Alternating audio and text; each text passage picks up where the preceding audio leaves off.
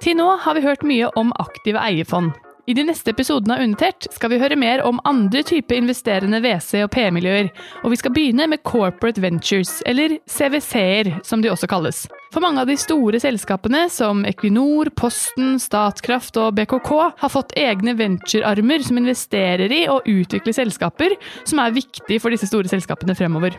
Og det er nettopp Equinor og BKK jeg har her i studio, med managing director i Equinor Ventures, Kjersti Reinsnos, og Andreas Tufteland Engelsen, daglig leder i BKK Spring.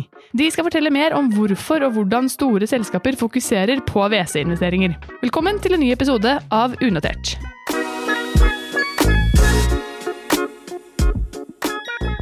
Hei, Kjersti og Andreas. Velkommen til Unotert. Hei, tusen takk for at vi fikk komme. Hallo, tusen takk for at vi fikk komme. Kjersti, kan du begynne med å fortelle oss hva gjør Equinor Ventures? Ja, vi investerer i og støtter innovative oppstartsselskaper. Vi tror at innovasjon og kreativitet i oppstartsbedrifter kan føre til disruptive endringer og drive industrien fremover i en lavkarbonretning. Så vi er et team på ca. 30 ansatte i Norge, USA og Storbritannia, og jeg leder altså Europateamet. Hmm.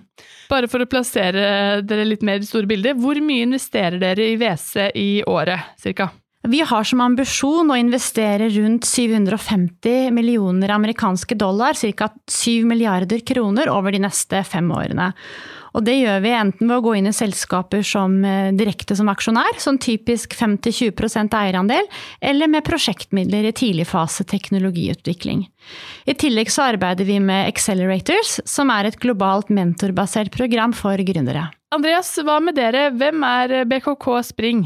Vi er BKK-konsernet sin corporate venture-arm.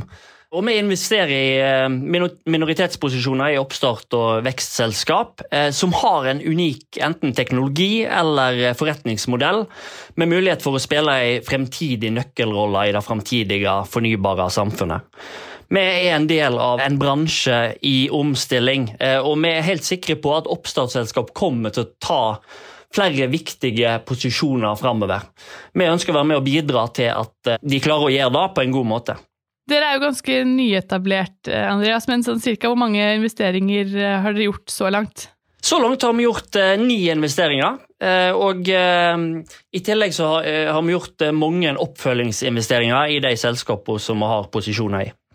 Hvorfor ønsker Equinor Kjersti, å gjøre investeringer i WC, være involvert i WC-miljøet?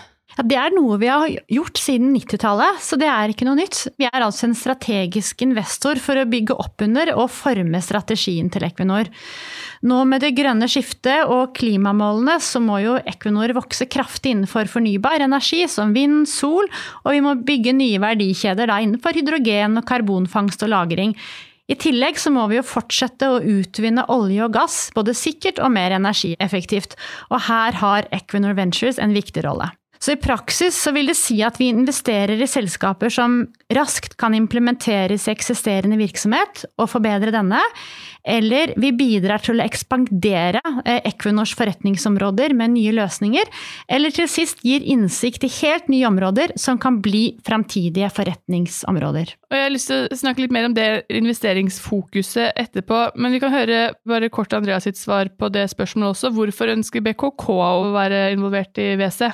Rasjonalet vårt er mye det samme som Kjersti eh, forklarte eh, at Equinor har. Eh, men, men, for vår del handler det om to ting. Vi, vi ønsker å få strategisk verdi ut av investeringene vi har, i tillegg til at investeringene må ha potensial til å gi god finansiell avkastning. Så For vår del handler det òg om å, å, investere i teknologi eh, og selskap som kan være med og eh, gjøre at vi jobber enda smartere eh, i, i, i, morgen. I tillegg så handler det om å investere i selskap som med i lag, som, som, som vi kan utvikle nye tjenester og, og produkter sammen med. Men er det sånn da at investeringsfokuset deres kun er selskaper som er knyttet til den virksomheten i dette tilfellet da, Equinor og BKK har, eller har dere et fokus som er bredere enn som, som så, Kjersti? Det må være energirelaterte selskaper, altså som utvikler teknologi, produkter eller har forretningsmodeller som er relevante for oss. Men når det er sagt, så er vi jo med å forme strategien til Equinor. Vi skal jo også bidra på området eller gå nye veier som Equinor ikke er i dag. Så det gjør jo at mandatet vårt er i praksis veldig vidt. Hvordan er det for dere, Andreas? Vårt mandat er å styrke dagens eksisterende strategi, eh, men i tillegg så skal vi kunne ta investeringer i randsona av det som er strategien til eh, BKK eh, i dag. Så som for Kjersti i Equinor, så, skal vi òg helt klart være med å utfordre og, og teste ut randsona av det som konsernet har fokus på per i dag. Ok, så Hvis vi ser litt på investeringsprosessene deres, hvordan velger dere da ut de selskapene dere skal investere i? Hvordan finner dere dealene? Hvordan tar dere beslutningene om en investering eh, i et selskap? For Det er jo ganske naturlig å se for seg at en sånn beslutning kan være litt uh, tungrodd i et så stort selskap. Kan dere si litt uh, om det? Andreas, du kan jo begynne. Ja, vi, vi, hadde fokus på det når vi etablerte satsinga satsingen vår BKK Spring. Så Fra starten av så etablerte vi BKK Spring som et eget selskap med et eget styre. Så vi har et styre som består av ledere fra de ulike forretningsområdene i BKK. Og har rigga det på en måte som gjør at vi hurtig kan ta avgjørelser når det blir krevd.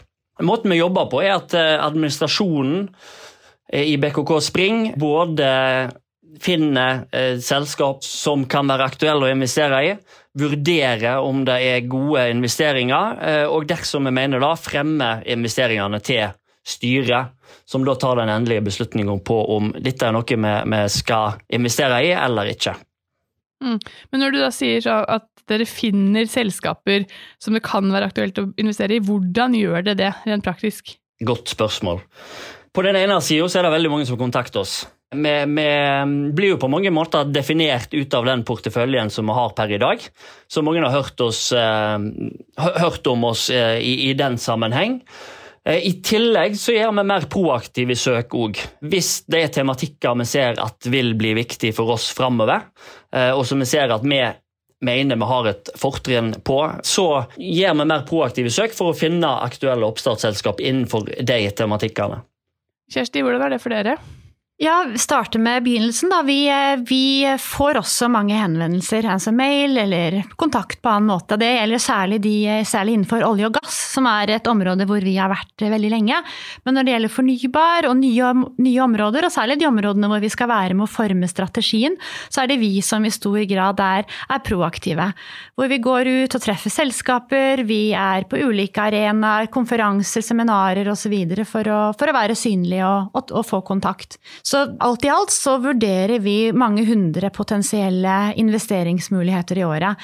Men vi investerer kun i noen få av disse her. Og det er en, en prosess, en god prosess og en grundig prosess. Men vi, vi, veier både hurtighet for å få gjort de investeringene vi mener er bra, og på en annen side sikrer at de investeringene vi er, mener, eller håper er bra til å begynne med, faktisk også er det når, når vi har investert. Så, så vi går gjennom ulike beslutningsarenaer hvor det er et team som jobber med, med, en potensiell deal, og hele veien blir utfordret av andre. Hvem som til slutt eh, sier ja eller nei, eh, det avhenger av størrelsen. Men eh, hvis det ikke er en altfor høy sum, så er det jeg som kan si ja, eller så er det som oftest leder av Equinor Ventures som har den muligheten. Vi har også investeringskomité, men det er rådgivende. Så det er enkeltpersoner da, som sier ja eller nei. Og under hele den prosessen her så så ser vi på dealen, som vi måler oppsiden, hvor mye, hvor mye mener vi selskapet er verdt. Hvor mye mener vi kan få eh, når vi skal gjøre en exit? Så vi vil jo ha eh, finansiell avkastning på de investeringene vi gjør. Og så ser vi på nedsiden, hva er nedsiderisikoen her? Og da ser vi både på finansiell nedsiderisiko og også ikke-finansiell, så en compliance og ESG-risiko. Og det siste er også viktig for de selskapene vi har, de ønsker vi jo skal skaleres og gjerne gå, eh, krysse landegrenser. Og en viktig del av den jobben vi gjør, er jo også due diligence, at den er grundig. Og hele prosessen så jobber vi tett med relevante personer fra Equinor, organisasjonen, for å få deres syn på hvilken verdi mener vi at vi kan bringe til selskapet som eier, og selvfølgelig hvilken verdi vil selskapet eller teknologien kunne ha for Equinor på sikt. Men øh, nå nevnte du jo det med at øh, det ønsker at selskapene skal øh, kunne bli større, kanskje også vokse utover landegrensene. Men hvor lenge eier dere selskapene da, eller er det sånn at de automatisk blir en del av Equinor-systemet til slutt, eller kan de like gjerne kjøpes opp av andre selskaper? Ja, Normalt så blir de kjøpt opp av andre. Så vi eier et, skal si, et vanlig livssyklus for et portefolioselskap er mellom fire til syv år. Og da selges det ofte av en strategisk kjøper, altså en industriell eier, som kjøper 100% fordi de ser at selskapet vil passe inn i det de allerede har. Eller det kan være en finansiell kjøper, et annet venture-fond eller private equity-fond. Vi ser også i økende grad at selskaper registreres på børs, så da kan vi også få en exit gjennom en, en, en børslisting. Mm. Hvordan er det for dere, Andreas? Ønsker dere at selskapene skal eh, integreres i BKK-systemet etter hvert, eller kan dere også kjøpes opp av andre aktører? Her har vi helt uh, tilsvarende syn som Kjersti og Equinor. For oss i BKK er det viktig eh, at selskapene har alle muligheter åpne. Så vi ønsker egentlig primært å co-investere i lag med andre, for vi ser at vi kan bringe inn en verdi som investor, mens andre investorer helt klart kan komplettere vår ekspertise. Eh, og dersom BKK eh, på sikt skulle bli en aktuell eh, kjøper av selskapet, så er det viktig for oss at det skjer eventuelt på helt markedsmessige vilkår. Når dere går inn i disse selskapene som, de, som, dere vurderer, dette er kanskje noe som særlig gründerne der ute lurer på, men hvor store er de selskapene som dere vurderer? Hvor langt har de kommet på vei i sin utvikling? Det, kan det være en god idé i garasjen, eller eh, må det være et modent selskap som har en del ansatte og, god omsetning? Kjersti? Vi har ingen formelle krav til størrelse eller utvikling, men normalt så, så, går vi inn fra serie A til C. Men i enkelte tilfeller så kan vi også gjøre en såkorninvestering, altså helt i tidlig fase på et selskapsutvikling. Størrelsen altså det varierer også fra et par titalls millioner kroner på verdi på selskapet til opp mot mange hundre millioner kroner. Men da er det viktig å merke seg at vi investerer også utenfor Norge, og da med USA, hvor ventureselskaper generelt er mye høyere priset enn det vi ser her i Norge. Mm. Hvordan er det for dere, Andreas? Hos oss i BKK så går vi inn eh, fra såkornfasen og investerer til serie A som første investering. Eh, og så setter vi selvfølgelig av kapital til å gjøre oppfølgingsinvesteringer i de selskapene som vi går inn i. Og da kan vi følge betydelig lengre enn serie A. Vi går nesten så tidlig som, som, at det er en idé i garasjen, men vi ønsker helst at selskapet skal, skal være ferdig med Problem Solutions Fit. Vi ønsker at eh, en har et produkt klart til å begynne å teste litt i markedet eh, før vi gjør første investering. Og Når dere da har gjort en sånn eh, investering, da, hvordan bidrar dere til utviklingen av selskapene, utover med den kapitalen dere bidrar med? Hvordan er dere aktive eiere, Kjersti? Ja, vi er eh, aktive eiere. Så målet er jo at både Equinor og ventureselskapet skal ha nytte av eierskapet, og at vi er med og bidrar til verdiøkning. Det er, eh, det er, derfor det er mange som ønsker oss som investor, til forskjell fra f.eks. For finansielle investorer som kommer hovedsakelig med penger. Så vi jobber med utvikling av selskapet både med å være representert i styret, vi tar normalt styreplass, og da har vi ansatte i ventureenheten som da kommer inn i selskapene som eh, styremedlem. Og det her er svært kompetente medarbeidere som er veldig gode på venture, og de er gode på å skalere selskaper for å få selskaper til å vokse. De forstår teknologien, og de er gode på governance. I tillegg til arbeidet vi gjør i styret, er vi også aktive med å knytte kontakt mellom ventureselskapet og Equinor. Så vi jobber jo for at selskapet skal få teste eller kvalifisere eller bruke teknologien i Equinor, dersom det er det som er selskapets mål. Vi ønsker jo at, det er, eh, at Equinor kan bli kunde av selskapet, og da vil de også enklere få andre kunder. Men det er viktig å nevne at vi ikke krever særbehandling, altså ikke eksklusivitet. Vi er helt ordinære aksjonærer og, og bistår og hjelper i den grad vi kan for å utvikle selskapet. Mm. Er det det samme for dere, Andreas? Absolutt. Eh, vi har også veldig fokus på at vi ikke ønsker noe særbehandling. For vi tror at det, særbehandling hemmer selskapet sin utvikling mer enn det fremmer. Men vi, vi ønsker òg å være en aktiv investor, og tar òg styreplasser og ønsker å være med og bidra med bransjeekspertisen som vi har. Eh, vi er et selskap som har eksistert i over 100 år, og har naturligvis da eh, både bransjeekspertise, nettverk og infrastruktur som vi ser oppstartsselskapene våre nyter godt av. Så vi, vi skal være en døråpner bl.a. for nye kunder, nye partnere eh, og nye investorer når det er aktuelt. Hvordan samarbeider dere med de andre eiermiljøene, da? F.eks. WC-fondet, så du nevnte jo co-investeringer i stad, Andreas. Banker eller andre typer private investorer. Hvordan samarbeider dere med de, Andreas? For oss er det veldig viktige samarbeidspartnere. Så eh, De fleste investorene som eh, investerer innenfor vårt mandat, både fasemessig, men òg tematisk, har vi faste møtepunkt med der vi diskuterer aktuelle case, deler deal flow, for å verifisere om dette er gode muligheter som vi kan samarbeide om. Det er noe som gir både oss og eh, det vi samarbeider med, god verdi. Og jeg tror det tilfaller eh, god verdi til selskapene eh, som blir diskutert. Mm. Kjersti? Mye det samme for oss. Altså det er viktige stakeholders, disse, for co-investeringer. Og eh, når vi går inn i nye selskaper, så er det en fordel å ha andre eh, eh, investorer sammen med oss, for å, også for å spre risikoen. Og så er det jo en fordel når selskapet senere trenger mer kapital, at det er også andre som kan komme inn i tillegg til oss. Og når vi går inn i, i nye land f.eks., eller nye områder, som vi gjør, så er det en stor fordel for oss å ha en co-investor som f.eks. kommer fra det landet, eller kjenner den, kjenner den bransjen da, som vi skal investere i. Nå har dere begge to har nevnt det med eh, andre land og selskaper utover landegrensene. Sånn. Hvor stor er andelen av det dere investerer i Norge kontra internasjonalt, da? Cirka? PT er veldig enkelt for oss. Vi har 100% investeringer i Norge. Men eh, mandatet vårt er bredere enn som så, så vi har, eh, vi har mulighet for å gjøre investeringer både i Norden og Europa dersom det skulle bli aktuelt. Men per i dag så har vi kun selskap som har hovedkontor i Norge. Så mandatet vårt, det er globalt. Så det teamet som jeg leder, vi har hele verden minus eh, Amerika. Hoveddelen av investeringene våre er i Norge. Og det er ikke fordi vi investerer mest i Norge i dag, men fordi vi har holdt på siden 90-tallet. Og da var det hovedsakelig Norge man så på i ganske mange år.